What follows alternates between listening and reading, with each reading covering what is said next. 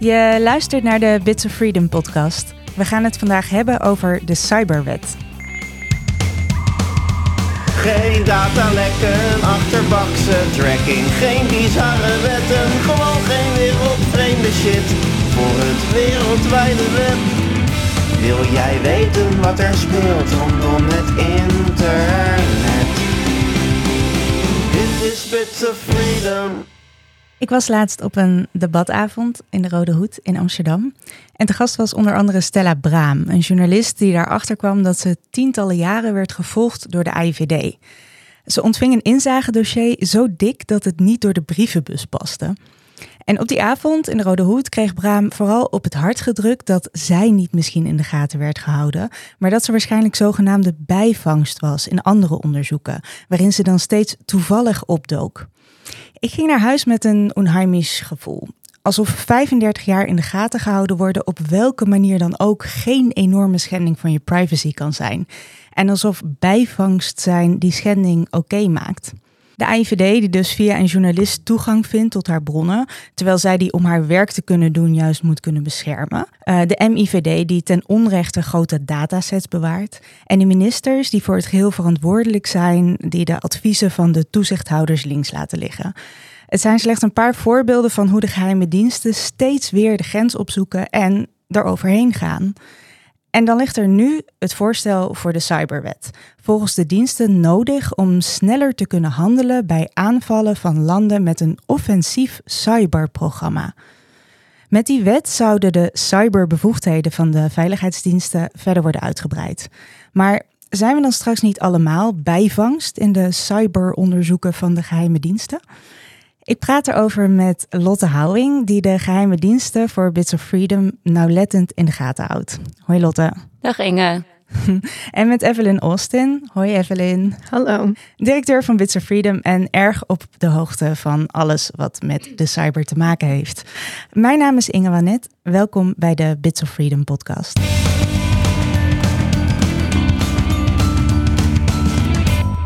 Evelyn, zometeen duiken we de cyberwet in. Uh, maar ik ben zelf afgelopen week heel weinig online geweest. Hmm. En ik vroeg me af, heb jij nog iets meegemaakt in de cyber wat je mij graag uh, zou willen vertellen?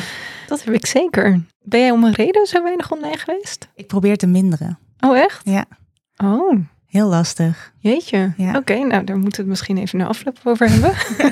kan, kan heel snel heel persoonlijk worden. De afgelopen week heb ik heel veel gelezen, bijgelezen over twee zaken die voor de Amerikaanse Supreme Court gaan komen. Misschien vier zaken, die eigenlijk alle vier raken aan de aansprakelijkheid van platforms. Een onderwerp waar wij in Europa ook heel veel mee bezig zijn geweest de afgelopen jaren. Super fascinerend om heel veel verschillende redenen. Ten eerste zegt Section 230 jou iets? Nee, dat uh, zegt me niks. Nou, Gefeliciteerd. Dank je. Section 230 is een stukje Amerikaanse wetgeving waarin eigenlijk wordt gesteld dat als jij als forumhouder de content van gebruikers host, dat je, daar, dat je niet aansprakelijk bent voor wat ze daar posten. En het is destijds echt fundamenteel geweest voor de ontwikkeling van het internet. Je kunt je voorstellen dat als uh, Facebook aansprakelijk gesteld kan worden of YouTube voor elke copyright schending die daar gebeurt. Ja, dat ze de wel opdoeken. Precies. Dus die Section 230 die wordt ook wel de 26 woorden genoemd die ervoor hebben gezorgd dat het internet nu is zoals, het, zoals het is. Heel belangrijk.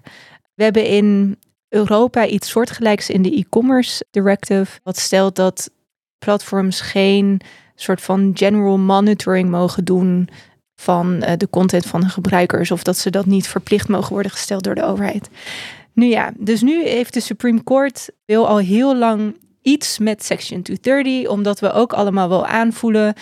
Nou, die platforms die we gebruiken, die hebben toch wel ook wel een hele grote hand in wat we te zien krijgen. Dus zijn het eigenlijk niet een soort van redactionele beslissingen die ze maken. En als dat zo is, zouden ze dan niet toch een beetje aansprakelijk gesteld moeten worden voor de shit show die daar gaande is. Een beetje aansprakelijk was altijd interessant. Nou, inderdaad. Hoe doe je dat dan in hemelsnaam? En, en de binaire opties is, je zegt eigenlijk dat Facebook een krant is en dat alles wat je daar te zien krijgt dus een editorial decision is van Facebook. Of je blijft gewoon stug volhouden dat Facebook niks te maken heeft met de content op Facebook. Nou, dat zijn de twee binaire opties. Er zou ergens een soort gouden middenweg moeten zijn. Er zijn nu twee zaken voor de Supreme Court gebracht en er komen er nog twee aan. En het zijn allemaal hele interessante zaken. Dus die twee zaken die er aankomen, daar zal, daar zal ik niet zoveel over vertellen. Maar dat zijn zaken naar aanleiding van nieuwe wetgeving in Florida en Texas. Waar de wetgever heeft gezegd dat platforms niet aan viewpoint discrimination mogen doen. Wat is dat? Het, het betekent dat als ze um, nazi-propaganda offline willen halen, dat ze dan ook anti-nazi-propaganda offline ha moeten halen. Dus dat je niet mag content modereren op basis van de politieke soort uitingen die mensen op zo'n platform publiceren. En het is het is heel slecht geschreven wetgeving. Daar hebben ze in, Amerika ook last van. Dus de, taalgebruik komt een beetje in de buurt van wat in de First Amendment, dus de free speech wetgeving, wordt gebruikt, maar ook niet helemaal. Waardoor het dus heel onduidelijk is van, hé, maar hoe verhoudt zich dan precies, dit precies tot de regels die er al zijn rondom illegale eh, content? Of in Amerika heb je dan, spreek dan van protected en niet protected speech. Nou ja, de twee zaken die ze in ieder geval gaan behandelen zijn Gonzales versus Google en Twitter versus Tame. En dat zijn allebei twee hele interessante zaken. Want als je iets aan Section 230 wil doen, zijn dit niet de meest makkelijke zaken. Wat houden de zaken in? Uh, dus González is de familie van een Amerikaan die is overleden uh, tijdens de aanslagen in Parijs in 2015. En zij hebben gezegd: Google is. Uh, Google moet aansprakelijk gesteld worden voor het verspreiden van terroristische content op hun platforms. En nou, ze zijn naar de rechter gestapt. De rechter zei dat werkt niet zo. In hoger beroep zijn ze, zijn ze afgewezen. En nu zijn ze dus bij de Supreme Court. Die andere zaak gaat toevallig ook over terroristische content. Allebei over ISIS-content ook.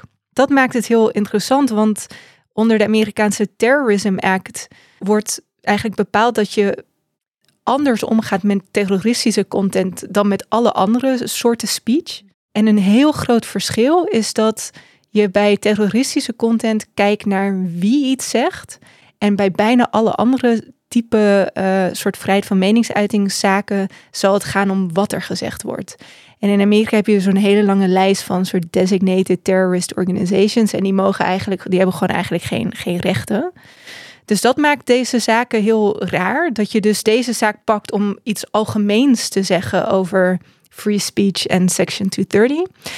Want wat is het gevaar wat er nu gaat gebeuren met deze rechtszaken?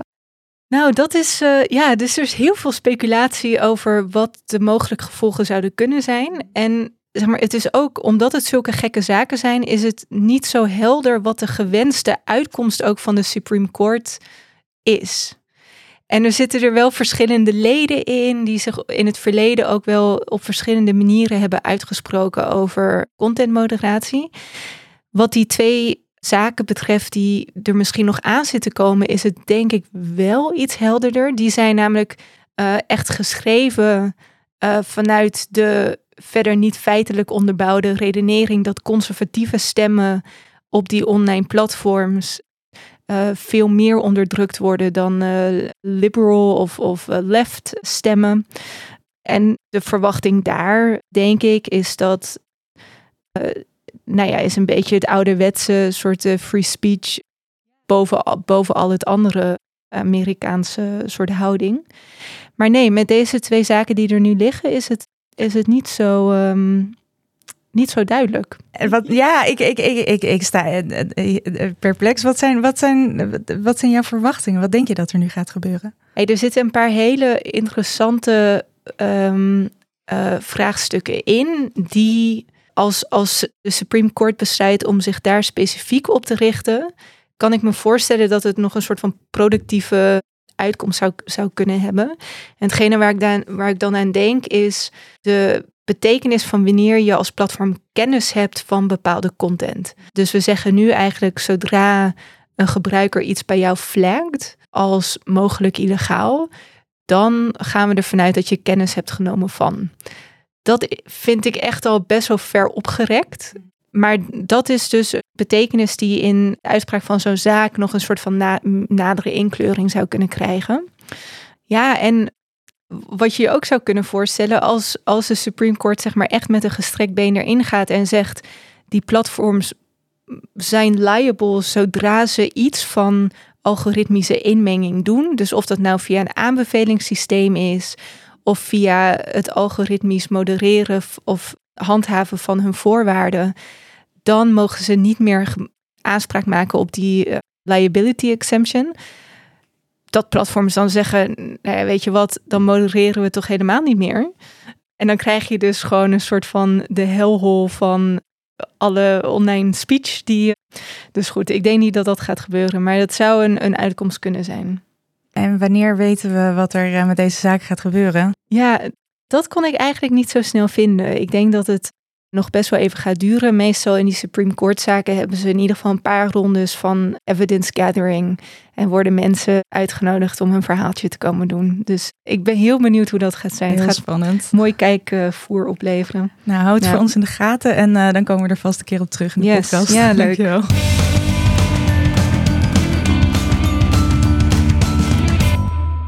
We gaan het eh, hebben over de cyberwet. Maar even in het kort, hoe staat die nou precies in verhouding tot die wet inlichten en veiligheidsdiensten? Is het een vervanging daarvan of een leg uit? Nee, ehm, hij wordt wel eens omschreven als eh, de nieuwe WIF. Ehm, en daarom is het denk ik goed dat je deze vraag stelt, want dat is het dus niet. Eh, de WIF 2017, eh, de wet die nu de grootste wet is, waarin staat wat de geheime diensten wel en niet mogen, die blijft gewoon bestaan.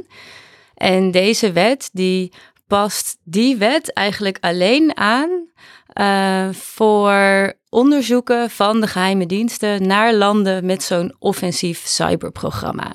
Dus eigenlijk voor bepaalde taken van de geheime diensten gaan deze regels gelden. Maar voor heel veel onderzoeken die naar andere dingen gaan, geldt de gewone WIF. Oké, dan is het fijn dat we dat in ieder geval voorafgaand aan dit eh, gesprek alvast opgehelderd hebben. Ik stelde je net voor als eh, beleidsadviseur bij Bits of Freedom, maar eigenlijk had ik beter kunnen zeggen trendwatcher van de geheime diensten. Eh, want toen we deze podcast aan het voorbereiden waren, gaf jij eigenlijk aan dat je verschillende trends ziet in het voorstel wat er nu ligt voor de cyberwet. En ik zou eigenlijk heel graag aan de hand van die trends eh, met je door het eh, wetsvoorstel heen gaan. Ehm, en laten we beginnen met de eerste trend die je noemde, namelijk eh, steeds ongerichter. En wat houdt dat precies in voor jou?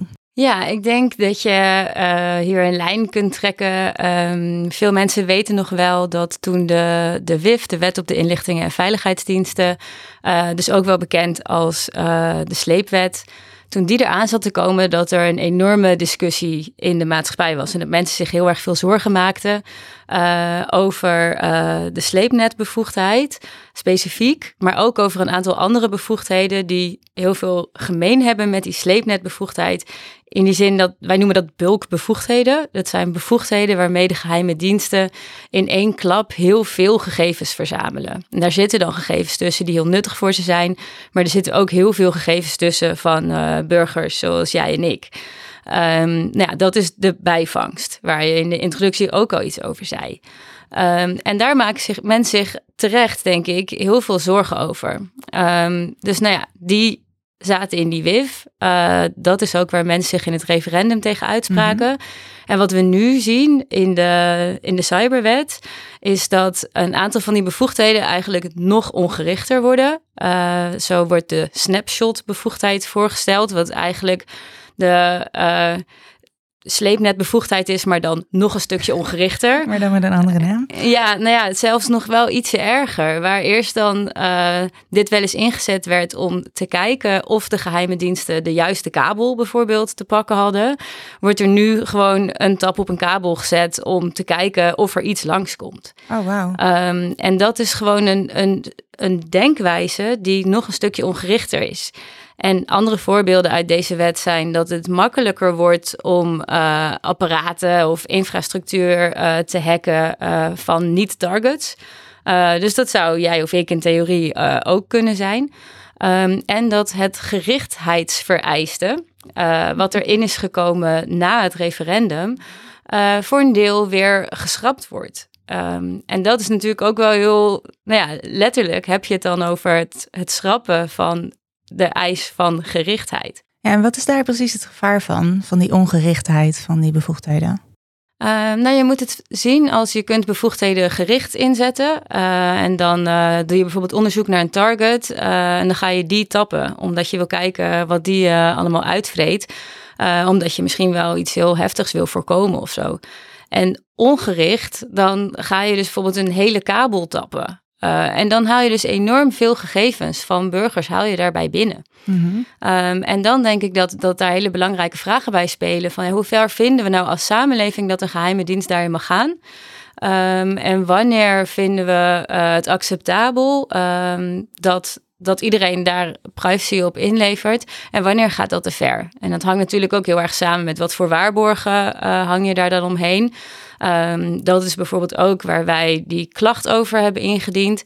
Dat op het moment dat het echt noodzakelijk is, dat er ook uh, gegevens van gewone burgers mee verzameld worden voor die onderzoeken van de geheime diensten, dan is het heel noodzakelijk dat daar heel goed mee om wordt gegaan.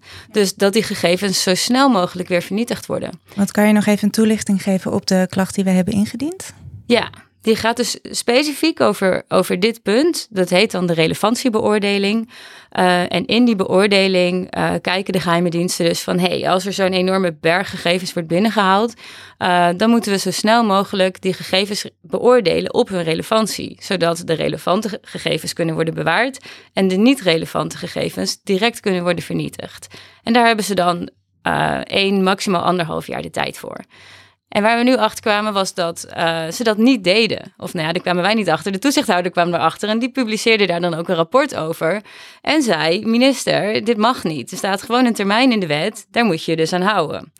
Uh, toen zei de minister, uh, dankjewel voor dit mooie rapport. Ehm, maar we, gaan, ja, we doen hier niks mee en we gaan gewoon hiermee door. Nou, dat vonden wij acceptabel en daarom hebben we een klacht ingediend omdat wij het niet oké vonden dat de geheime diensten op die manier dus gegevens van ja, heel veel burgers onrechtmatig bewaren. En die klacht is dus ook gegrond uh, bevonden en die gegevens moeten nu verwijderd worden. Ja, klopt. Ja. Dus die gegevens wel, maar in het komende voorstel kan het dus zijn dat er veel meer gegevens van burgers worden binnengehaald en zonder beoordeeld te worden ergens op een servertje belanden. Uh, ja, in die wet staat ook nog iets over de relevantiebeoordeling. Die wordt daarin uh, langer. Dus uh, mm-hmm. gegevens van burgers die als bijvangst meegenomen worden, die mogen volgens deze wet potentieel oneindig worden bewaard. Dus het probleem wat wij aankaarten wordt nu eigenlijk, krijgt dat dan zo ongeveer een grondslag.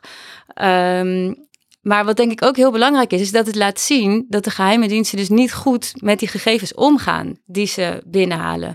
En dat het daarom heel belangrijk is om echt vraagtekens te zetten bij willen we überhaupt wel dat ze die verzamelen? En ik denk dat dat antwoord daarop moet zijn, nou, zo min mogelijk.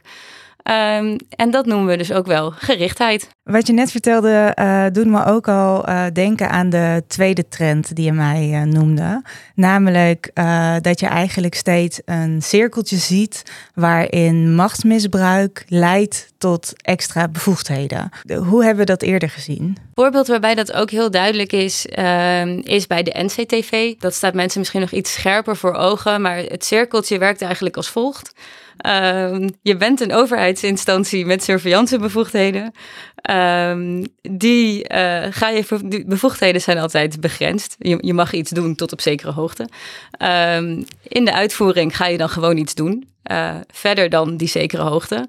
Uh, op een gegeven moment komt dat uit door scherpe journalisten of misschien lekt er wel iemand binnen je organisatie. Dat kan natuurlijk op verschillende manieren. Um, dan is dat nieuws. Uh, dan wordt dat vervolgens besproken, bijvoorbeeld in de Kamer. Um, en een logische reactie zou dan eigenlijk zijn: Goh, deze overschrijding van de grenzen die vaststaan in de wet, die is problematisch. Want die wet bepaalt dat dit niet mag. Dus dat moet stoppen. Maar wat je vaak ziet is dat uh, niet de onrechtmatige praktijk, maar die wet centraal komt te staan in ja. de conclusie of in de, in de discussie. En dan krijg je dus, oh ja, dit is wel lastig. We hebben nu geconstateerd dat de praktijk en de wet niet helemaal met elkaar kloppen. Uh, dus er wordt eigenlijk veel meer gekeken van beschrijft de wet de praktijk wel goed? En dan is het antwoord nee. Dus dan moet die wet maar even worden aangepast, zodat die wel weer klopt met de praktijk. En het effect daarvan is dat het eigenlijk heel erg loont om je boekje te buiten te gaan. Want dan krijg je dus gewoon meer bevoegdheden. Ja, en dat is natuurlijk iets wat we echt niet willen. Dan heb je ook een voorbeeld van wat ze nu dan willen vastleggen waar ze eerder hun grens over gingen. Um, nou ja, je zou dus die relevantiebeoordeling um, van Sonet is daar een beetje een voorbeeld van. Um, en een ander voorbeeld is ook uh, de sleepnetbevoegdheid uh, zelf, uh, waar, waar heel veel mensen dus zich dus al zorgen over hebben gemaakt. Destijds in het debat zijn daar een aantal toezeggingen gedaan om tegemoet te komen aan zorgen van burgers. Uh, en ik vind dat zelf een hele serieuze context om zorgen in te doen. Als je die zorgen serieus neemt. Daar uh, gaan we dan toch maar even vanuit. Um, dus dat zijn toezeggingen geweest als uh, deze bevoegdheid wordt niet ingezet op communicatie Nederland-Nederland. dus zeg maar binnenlands. En je hoeft niet bang te zijn dat de geheime diensten meekijken met jouw Netflix of YouTube. Want die streamingsdiensten die kunnen er gewoon van tevoren al uitgefilterd worden. En we kunnen echt van tevoren best wel een goed idee krijgen waar op de kabel uh, we nou ongeveer precies moeten zijn. Uh, en dan gaan we dat tappen en dan is er bijvangst. Maar dat klonk dan alsnog relatief gericht. Een, kleine, een klein sleepnet in plaats van een heel groot ja, sleepnet. een soort van. En uh, nou, daar kwamen ze gaandeweg ook eens achter van ja, maar wacht eens even, dat klopt eigenlijk helemaal niet. Uh, en toen kreeg je ook weer een toezichtsrapport waarin stond van nou, de, de aard van deze bevoegdheid verhoudt zich niet uh, tot, de, tot de uitleg. Of zo. Wat eigenlijk gewoon ook weer een gevalletje was van, nou ja, dat beeld wat, wat de wet plus deze toezeggingen jou geeft, dat klopt niet. Uh, en wat we nu zien, tada, een nieuwe wet met een bevoegdheid die die praktijk beschrijft. Ja, dus waarin ze wel um, de, die hele grote hoeveelheden aan data zomaar binnen kunnen halen en dus ook binnenland. Ja, deze kan ook binnenland. Deze haalt gewoon gegevens van jouw streamingsdiensten op. Die worden er niet uitgefilterd. Er wordt niet van tevoren gekeken waar denken we dat uh, de communicatie die wij willen tappen overheen gaat. Um, en klopt die verwachting? Nee, er is, nou ja, ik bedoel, ik weet niet helemaal hoe dit in de praktijk gaat, maar je moet het een beetje zien als er is eerst de tap en dan wordt er gekeken of er een verwachting is dat daar verder op moet worden getapt. Ja, dus toch heel veel bijvangst er mensen rondom dat hele referendum echt heel veel zorgen over, uh, over hebben uitgesproken.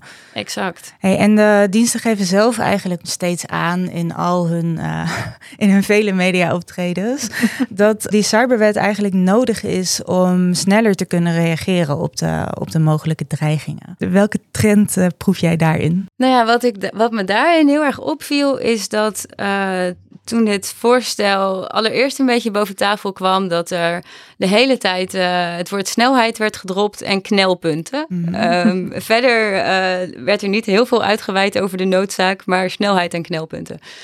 Um, en uiteindelijk heb ik uh, WO-verzoeken uh, ingediend. Um, daarmee kun je documenten. Ja. ja. precies. Dan kun je bij, bij bestuursorganen kun je documenten opvragen. En die geven jou dan inzicht in nou ja, hoe, hoe zijn ze tot bepaalde beslissingen gekomen. Dat hebben we hier ook gedaan om te kijken van, nou ja, wat zit hier nou eigenlijk achter? Kunnen we reconstrueren hoe dit stukje beleid tot stand is gekomen? Um, en dat, is, dat, is, dat heeft best wel wat inzichten opgeleverd. En wat heel interessant is daarbij, is dat. Um, en uh, dat is later ook teruggekomen in een stuk van, van Follow the Money. Is dat daar eigenlijk heel erg de nadruk wordt gelegd op het toezicht. Mm -hmm. En dat toezicht zo'n hobbel is. En dat, nou ja, dat toezicht eigenlijk gewipt moet worden om bij, uh, om bij die snelheid te komen. En dat wordt een beetje gezien alsof dat de enige weg zou zijn. Um, ik vind het ook nog eens een hele problematische weg. Maar wat ook opvallend is, is dat er niet wordt gekeken naar de interne processen bij de diensten. Mm -hmm. uh, en nou is mij wel eens verteld dat er ook wel eens uh, verzoeken, want de geheime diensten schrijven natuurlijk verzoeken als ze een bevoegdheid willen inzetten waar ze toestemming voor moeten vragen. Dan zetten ze hem op papier wat ze dan willen gaan doen en waarom. En nou, goed, dat moet natuurlijk een beetje je moet wel iets kunnen toetsen. Ja. Dus dat, dat wordt dan een aanvraag en die gaat dan naar de minister en die gaat naar de toetsingscommissie. uh, dat ze wel eens van die aanvragen schrijven van 250 pagina's. Oh, wauw. En dan denk ik, ja, dat klinkt voor mij dan ook niet heel erg als een effectief intern proces. Ik kan me voorstellen dat je daar heel lang mee bezig bent. Ik kan me voorstellen dat de minister daar heel lang mee bezig is. En dat vervolgens de toetsingscommissie daar heel erg lang mee bezig is willen we dan echt de toezicht afschalen? Of moeten we eens gaan kijken van, goh, beste geheime diensten, ja, dit is misschien wel een oproep. Zou je eens naar je interne processen kunnen kijken? En die misschien wat, wat effectiever kunnen inregelen. Volgens mij bespaar je dan iedereen werk. Waarbij je natuurlijk niet informatie moet weglaten, maar misschien kan het wel wat korter. Zijn er ook andere mogelijkheden om wel sneller uh, te werk te gaan voor de, uh, voor de diensten? De, de wet zoals die nu is, dus de WIF 2017, uh, die kent ook nog een spoedprocedure. Um, en die is eigenlijk voor die, voor die acute gevallen, waarin echt snelheid geboden is. En dan kunnen de geheime diensten alvast beginnen. En dan gaan de weg of daarna uh, alsnog langs die toetsingscommissie. Eigenlijk juist om aan dit soort dingen dus tegemoet te komen. Kan het dan ook al voor, want ze hebben het nu heel specifiek over uh, landen met, die een cyberoffensief voeren. Eh, kunnen ze daar dan nu ook al die spoedprocedures voor inzetten? Of, is dat in ander soorten uitzonderlijke gevallen? Nee, op zich geldt dat, geldt dat voor alle gevallen waarin spoed is. Dus zou dat uh, nu, nu de WIF gewoon nog voor alle gevallen geldt, zouden ook de gevallen die later onder de cyberwet zouden gaan vallen, zouden gewoon binnen die spoedprocedure vallen. En er zijn ook nog helemaal niet, die wordt nog helemaal niet zo heel vaak ingezet. Uh, dus dat zou ook zeker vaker kunnen. En dat is ook wel door een oud tiplid is dat eerder gezegd. Ja, dit zou een prima alternatief zijn. Uh, om daar vaker gebruik van te maken. Wat ik niet, uh, of wat ik niet, wat ik niet begreep, maar iets wat mij is bijgebleven, is dat in een uh, artikel op de website van de NOS, waarin Bert Hubert en volgens mij Ronald Prins worden geïnterviewd over de cyberwet. Uh, zegt Ronald Prins iets over dat er de afgelopen jaren heel veel schade is geweest omdat Nederland niet goed genoeg kon optreden tegen deze cyber, cyber, cyber offensieve aanvallen. Um, en toen dacht ik, schade. Dus waar ik dan aan moet denken is aanslagen die dan uh, niet verijdeld zijn geweest. Um, en we hebben niks van dat alles gemerkt in de samenleving. Dus dat wekte bij mij de vraag van om, om wat voor een type schade hebben we het eigenlijk? En wat voor een type aanvallen zijn dat? Ja, ik denk dat dat een hele goede vraag is. Um, wat ik ervan heb begrepen, maar het is interessant dat dat op zich ook niet heel veel is, hmm. uh, is vooral veel cyber-cyber. Uh, dus ook in termen van de, de schade, uh, die is erg cyber. Um, dus ik hoorde laatst ook nog weer bij een interview, ja, er worden gewoon heel veel cyber-cyber aanvallen gepleegd. Mm-hmm. Um, maar wat me ook niet... Um, of zo, of? Ja, niet nader gespecificeerde mm. cyber. Oké. Okay. Ja, ja. maar, maar wat me daarbij ook niet helemaal um, duidelijk is, is is het daarmee ook direct een taak voor de, voor de geheime mm -hmm. diensten? Uh, of is er eigenlijk heel veel te halen over uh, voorlichting? Hoe beveilig je je systemen goed? Ja. Um, of, of die kant. Ja. Moeten we hier per se een wet voor optuigen waarin de geheime diensten ook makkelijker kunnen hacken? En uh, worden wij daarmee veiliger tegen de cyber-cyber? Of... Ja. ja, want ik dacht misschien nog een mogelijkheid zou kunnen zijn dingen als bedrijfsspionage. Um, maar is dat dan een taak voor de eh, IVD? En uh, zo ja, uh, zou dat dan dit soort heftige maatregelen eigenlijk wel legitimeren? Ja, ik denk dat dat een discussie is die sowieso meer gevoerd moet worden. En waar mensen ook kritischer moeten zijn naar uitbreiding van dit soort bevoegdheden toe. Omdat ik ook denk, we hebben die discussie al heel erg gevoerd. Er zijn enorm zorgen geuit bij uitbreiding van bevoegdheden, uh, waarbij bevoegdheden ongerichter werden, er meer bijvangst plaatsvond of uh, mogelijkheden vergroot werden om makkelijker uh, infrastructuur en apparaten te hacken van, van niet-targets. Dus ik wil ook niet altijd zeggen, we moeten die discussie voeren. Want soms voeren we discussie, maar als we dit uitkomen op ja, moeten we op een gegeven moment denk ik ook gewoon een grens gaan trekken. Want er worden wel de hele tijd hele legitieme bezwaren en zo geuit. Dus ja, misschien zijn we wel gewoon op een gegeven moment ook hmm. op die grens. En zeggen we dan, ja, je kunt misschien nog wel dingen iets veiliger maken uh, als je altijd meer weet. Maar rechtvaardig dat altijd uh, al die, die informatie verzamelen. Ehm, dat doet me bijvoorbeeld ook denken aan een uitspraak uh, die, ze, die ze een keer deden. Dit is een, een stukje onthulling uit onze uh, klachtenprocedure uh, en het vernietigen van bulk datasets. Dat men zei, ja, maar misschien, hypothetisch worden die gegevens later misschien nog wel relevant of zo. En toen dacht ik, ja, maar als, als dit je argumentatie is om gegevens niet te vernietigen, dat ze in de toekomst wellicht nog relevant kunnen worden, uh, dan is het einde zoek. Ja, dan kan je alles van iedereen opslaan. Sterker nog, dan moet je eigenlijk, toch? Ja. Als je dat echt gelooft, dan heb je denk ik echt een soort plicht om dat te doen als dienst, toch? Um, ja, nou ja, dat, dat, dat weet ik dus niet of je dat zo, maar misschien wel. In ieder geval denk ik dat we dan een groot probleem hebben. Wil ik niet heen. Verkeerde afslag. Ik denk dat we daar een beetje zijn. Uh, dit klinkt wel echt als een doemscenario, Evelyn. Nou ja, maar de, ik bedoel, de, dus het hele idee dat een soort van veiligheid en vrijheid ook op een bepaalde manier op een soort van gespannen voet met elkaar staat, dat gaat er bij de AVD echt niet in die, die leven in de veronderstelling dat soort van hoe meer veiligheid, hoe meer de staat is beschermd. Maar zonder daarin mee te nemen dat er in de staat nog meer belangen zijn dan alleen maar die veiligheid. Dus ja, als je een soort van, en dat zien we eigenlijk bij de politie ook. Uh, de, de IVD heeft heel, heeft soort van nauw de taak, wij gaan over de veiligheid. En dat betekent eigenlijk dat er andere mensen moeten zijn die die andere belangen vertegenwoordigen om te zorgen dat daar een soort balans in is. Ja, dit is wel iets wat ik, wat ik heel erg herken, is dat er juist bij die uitvoerende instanties, de geheime diensten, de politie, echt een, een hyperfocus kan zijn op veiligheid. En ik denk dat dit ook is uh, wat het grote belang is van toezicht en dan echt bij voorkeur toezicht vooraf met een bindende bevoegdheid, omdat daar mensen in zitten die ook met andere belangen en een ander perspectief kunnen kijken naar is het nu een goed idee om deze bevoegdheid in te zetten? Is het proportioneel? Um, weegt dit nog op tegenover andere belangen? Hmm. Um, omdat uitvoerders, hun taak ligt misschien ook wel bij die. Veiligheid. Dus misschien groei je op een gegeven moment ook wel in zo'n hyperfocus en verandert jouw perspectief. Ehm, kun je daar niet meer neutraal in staan en heb je daarom dus extern effectief toezicht vooraf heel mhm. erg nodig. Ja, dat is nog een argument om die toetsing vooraf in ieder geval echt uh, er te laten en uh, niet vanwege snelheid uh, af te schaffen. Een ander, um, ander ding wat je ook nog noemde, en wat we ook volgens mij bij politie en, uh, en andere diensten zien, is dat steeds eerder inzetten van, uh, van bevoegdheden. Wat, wat heeft dat tot gevolg? Ja, om hier even een voorbeeld uh, bij te geven. Um, in de cyberwet, of nou ja, niet eens in de wet zelf, maar wel in de memorie van toelichting. Um, dat is een, een document wat bij een wetsvoorstel zit, wat hem normaal moet uitleggen, maar wat er ook wel echt bij hoort. Dus hier wordt even een link in de show notes, zodat mensen het helemaal door kunnen nemen. Wordt hier even sneaky een bevoegdheid uh, geïntroduceerd in de memorie van toelichting.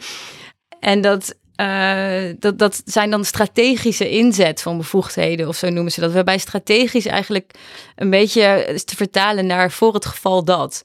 Um, dus een strategische inzet van een hackbevoegdheid uh, zou zijn: oh ja, weet je wat, ik, uh, ik hack alvast in op deze infrastructuur, want dan, dan geeft dat mij gewoon een, een goede informatiepositie voor het geval dat er iets langskomt. Hmm. Dus je hebt niet meer uh, de gedachte van: oh, ik doe onderzoek naar, naar Inge. Um, omdat ik meer over Inge wil weten, hack ik haar computer. Uh, want die computer geeft me een, een goede informatiepositie. Zeker. Dan begin je al uit, je bent ergens naar op zoek. En je weet best wel waar je naar op zoek bent. En hier gaat het om, oh wacht, op dit stukje infrastructuur van het internet komt gewoon veel langs. Ja, het is interessant voor mij als grote datastofzuiger om daar te gaan zitten, want dan kan ik veel binnenhalen en dan weet ik veel. Hmm.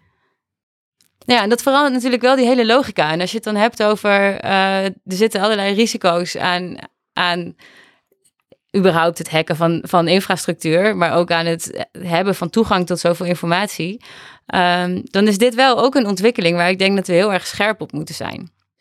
En de, de soort tegen of de vraag dan denk ik die je vaak zult krijgen is, waarom is het erg dat ergens op een stoffig hoekje van een server van de IVD dan die bulkgegevens staan. Ja, maar ik denk, je, kunt bijna een vergelijking trekken van waarom is het erg als er een boef in je huis zit, als hij nog nergens mee naar buiten is gerend? Hmm.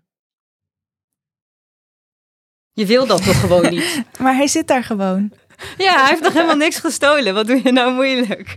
Hij zit gewoon op je bank. Je zit toch zelf ook op je bank? Nee, maar dit is toch wel ook een groot onderscheid tussen Amerikaanse en Europese privacywetgeving bijvoorbeeld, waar daarna, zeg maar, vinden we dat de inbreuk plaatsvindt bij het verzamelen al of bij het gebruiken van de data?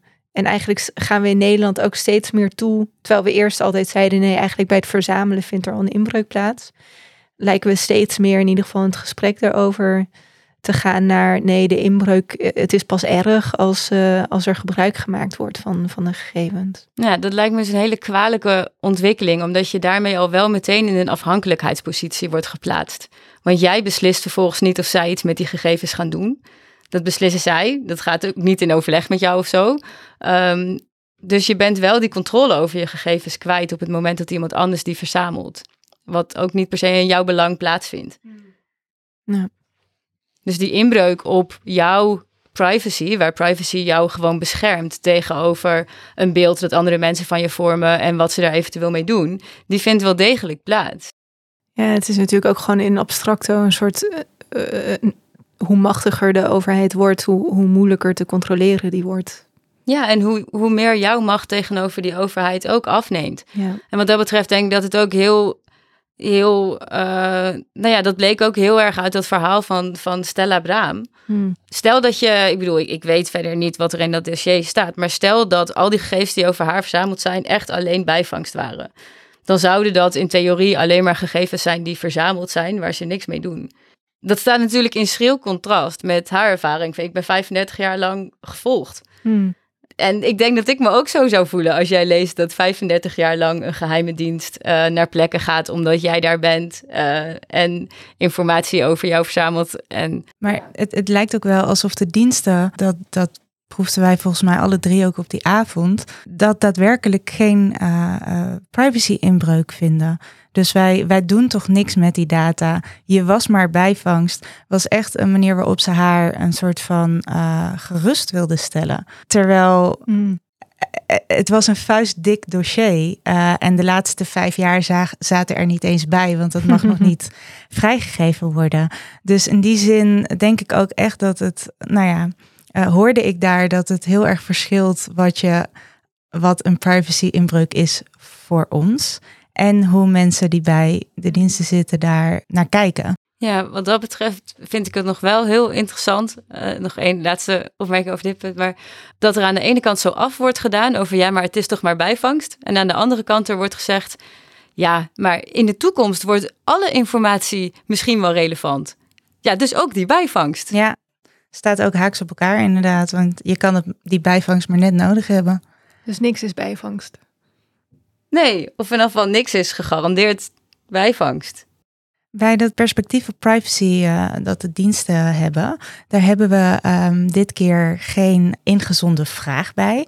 Maar ik heb een kort fragment van een item bij BNR, waar uh, Erik Akerboom vertelde over uh, de cyberwet en daar een, een goed woordje voor deed. En ik wil het je laten horen en ik wil je vragen om erop te reageren, Lotte. Maar stel nou dat zo'n terugkeerder hier in de wijk woont waar ik ook woon.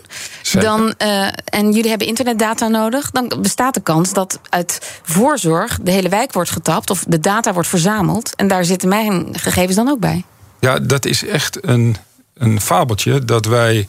Dat, dat de AIVD en de MIVD hele wijken zouden gaan afluisteren. Of hele steden, dat kunnen we niet eens.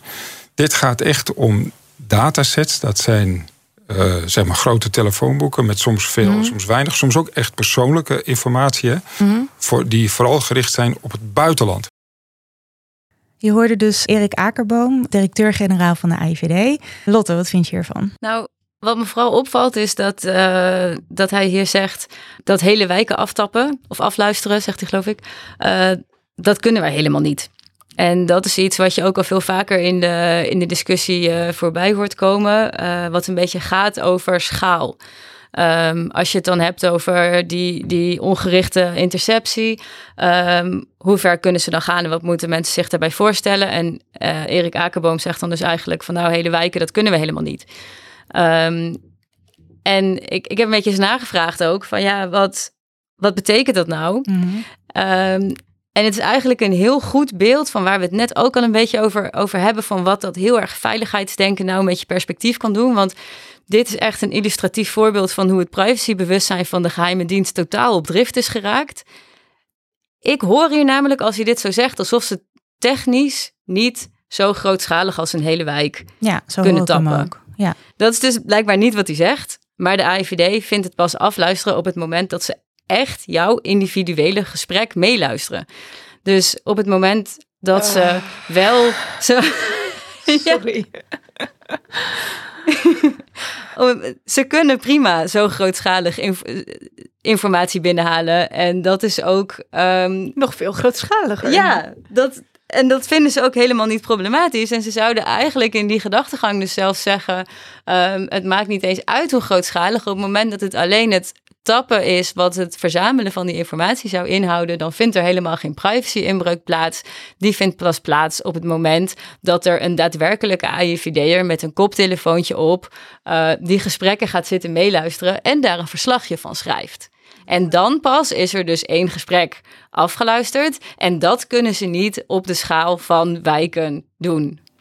Omdat ze niet de menskrachten hebben om al die gesprekken af te luisteren. Maar het in totaal binnenhalen is... Dat is dus geen enkel Geen probleem enkel voor ze. Dat, ja, dit maakt me echt zo kwaad. Ik moet ook denken aan hoe in volgens mij de allereerste versie van de WIF 2017 gewoon de, de statementbevoegdheid nog steeds gewoon omschreven stond als ongerichte kabelinterceptie. En dat ze er toen achter kwamen, oh, dat vinden mensen helemaal niet leuk. We gaan het.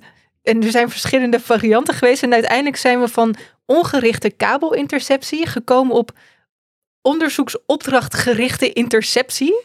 We geven het een leuke afkorting. En we oog. stoppen gericht in de titel. En het betekent nog precies hetzelfde. Deze mensen hebben helemaal niet een soort van het bewustzijn dat woorden betekenis hebben voor mensen.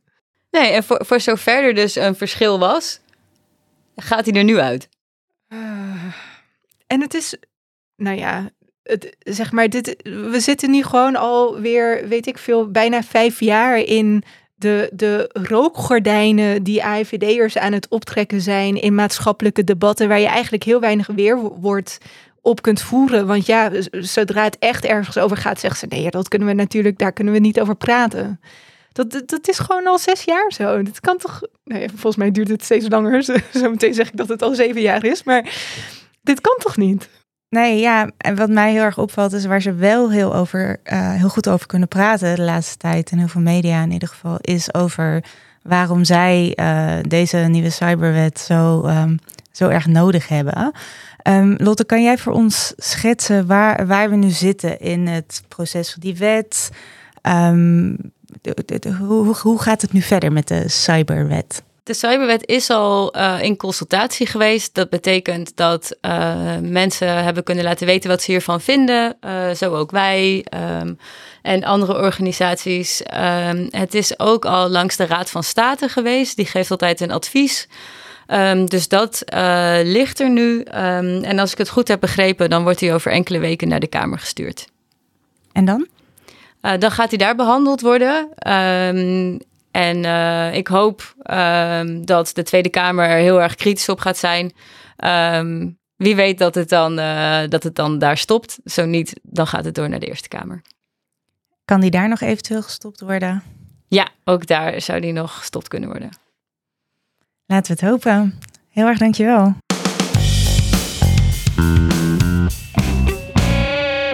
We sluiten de podcast elke week af met een telefoontje naar iemand met een bijzondere kijk op het internet.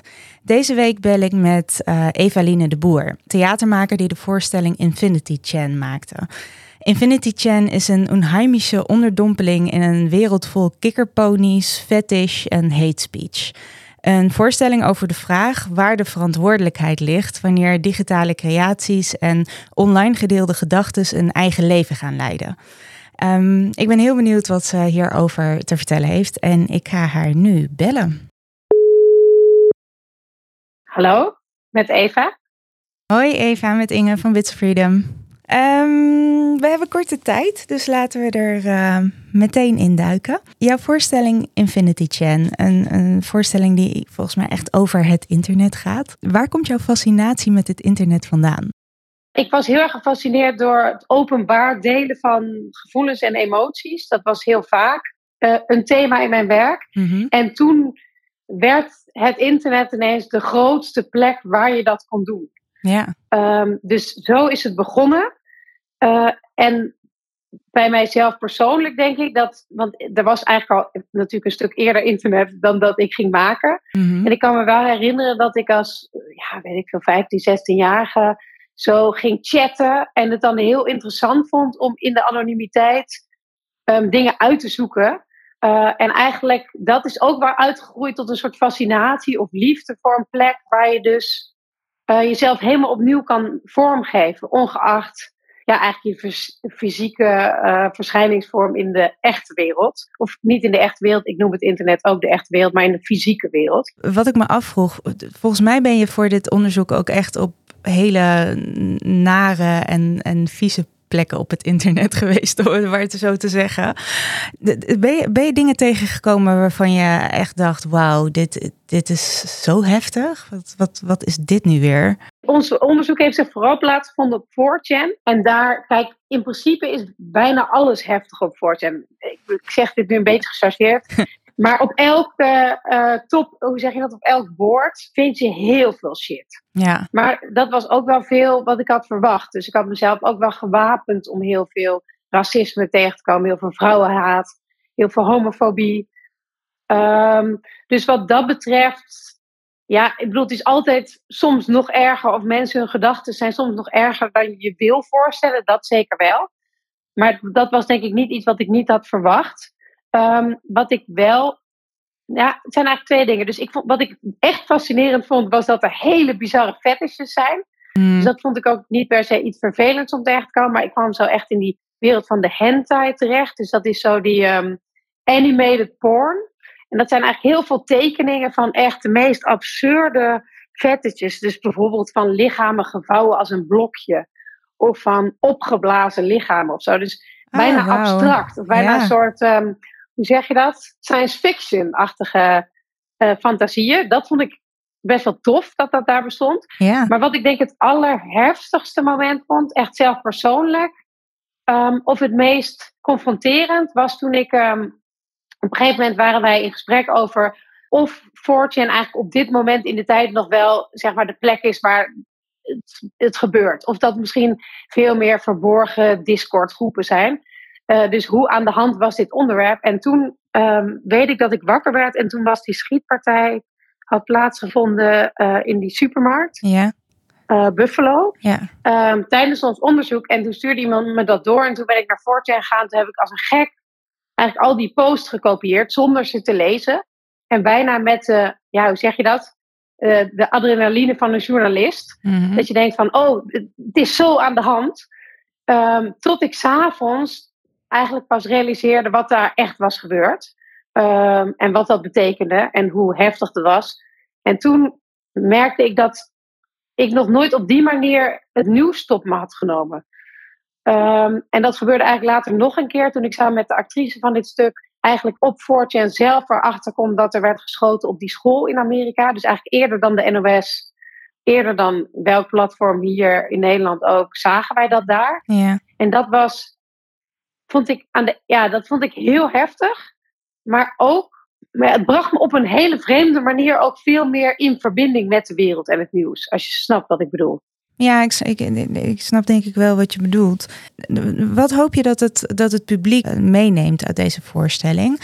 Um, ik merk dat we hebben best verschillend publiek. Dus soms zijn er, we hebben het steeds over het instapniveau. En dan bedoel ik echt het instapniveau in het internet en in dit onderwerp. En voordat ik zelf aan dit onderzoek begon, was mijn instapniveau eigenlijk nul. Dus de hele terminologie ook die we gebruiken in de voorstelling, die was voor mij ook helemaal nieuw. Mm. Dus je merkt dat er best wel veel mensen zijn voor wie er echt een soort ja, een soort box wordt geopend. Echt een hele wereld opengeklapt. Dus die denk ik ook ergens, nou ja, wat minder naïef daarna uh, kijken naar die wereld. En ook hoe ver of dichtbij die wereld is. Mm -hmm. Je hebt ook vaak, mensen hebben toch ook vaak het gevoel dat dit echt heel ver weg is. Maar als je dan met ze praat over hoe gemakkelijk je bijvoorbeeld eigenlijk van, van YouTube of Facebook bijvoorbeeld deze kant op radicaliseert. Uh, en hoe het internet als mechanisme eigenlijk werkt. En dat we daar nog heel weinig vat op hebben. Ook denk ik op onze eigen navigatie daarover. En wat ik zelf het fijnste vind in de gesprekken, is als het gesprekken zijn tussen verschillende generaties. Dat gebeurt niet altijd, Mhm. maar het gebeurt wel dat we echt mensen nou ja, uit allerlei generaties in een zaal hebben die, die het hier samen over hebben. Ook omdat ik er steeds meer achter kom dat. Kijk, wij hebben geen oplossing voor hoe om te gaan met het internet. En ook hoe om te gaan met dingen op het internet die ik in ieder geval ethisch ja, heel kwalijk vind. Maar ik denk wel dat het gesprek over de ethiek van het internet en ons omgang met het internet en hoe je daar als mens jezelf toe ver- verhoudt, dat dat gesprek eigenlijk heel weinig gevoerd wordt. En ook he- helemaal, denk ik, of bijna geen onderdeel is van onderwijs. Zoals je dat wel, zoals ik dat in ieder geval op de middelbare school wel kreeg rond andere onderwerpen. Ja, super interessant dat dat ook ehm, dan in nagesprekken wel, eh, wel plaats kan vinden. En inderdaad ook intergenerationeel. Want ik denk dat heel veel wat oudere mensen eh, ook helemaal niet weten dat dit überhaupt gebeurt. Terwijl het voor een jongere generatie zo vanzelfsprekend is dat dit ja, ook gewoon een onderdeel is van je leven. Ja, een heel duidelijk onderdeel. Ik weet dat ik ooit voor een andere voorstelling aan de kinderen van tien vroeg: eh, waar voel je het meest thuis, offline of online? En toen was het, waren de antwoorden altijd 50-50. Hmm, Wauw. Dus voor hen is dat gewoon een hele belangrijke plek en soms ook een hele veilige plek. Wat mij eigenlijk nog het meest raakte op die plekken was de enorme hoeveelheid aan eh posts over eenzaamheid. Ach ja. Dus dat er echt ontzettend veel mensen eenzaam zijn. eh, ja, en ook echt heel, ja, echt heel zwaar eenzaam. En elkaar daarin vinden, helpen, steunen. Soms ook misschien de verkeerde kant op aanmoedigen. Maar dat is misschien nog wel groter dan al die andere dingen die je daar aantreft. Ja. En ik denk de hele tijd, oh ja, die mensen die, die leven wel ergens, snap je? ja, die zitten ook ergens achter die computer. Ja. Ja, misschien gewoon naast je. Of misschien ken je ze. Want dat is ook steeds de vraag. Dan zitten er mensen in die zaal en die zeggen... Ja, ik zou echt niet weten wie daar komt. En dan zeg ik, ja, maar hoe weet je dat nou? Ja. Snap je? Ja. Dat je echt, dat je die mensen niet kent. Ja, ja super interessant en, en mega gelaagd. Ik kom in ieder geval op 24 november kijken in Podium Mozaïek in Amsterdam. Kunnen mensen de voorstelling ergens anders ook nog zien? Jazeker, we spelen eigenlijk nog echt een paar weken volop. Eigenlijk het hoogtepunt van onze tournee moet nog komen. Eh, we gaan onder andere naar Den Haag, Haarlem nog, Utrecht, Breda, waar ik geboren ben. En nog meer steden. Eh, ik zal ze niet allemaal nu noemen. En misschien goed dus dat ik er altijd bij ben. Ah, wat dus goed. eh, voor het nagesprek. Oh, dat is ook wel heel leuk voor mensen die eh, luisteren en eh, misschien willen komen. Dan kunnen ze even zeggen dat ze je gehoord hebben. Ehm, ik zal een linkje naar de, naar de speellijst in de show notes zetten. En dan kunnen mensen ehm, ehm, zien waar ze kunnen kijken. Heel veel succes en plezier nog met, met de tour. En dankjewel dat je even wilde komen vertellen over de voorstelling. Ja, heel graag gedaan. En dan zien we elkaar in Podium. Yes, tot, eh, tot daar. Oké. Doeg.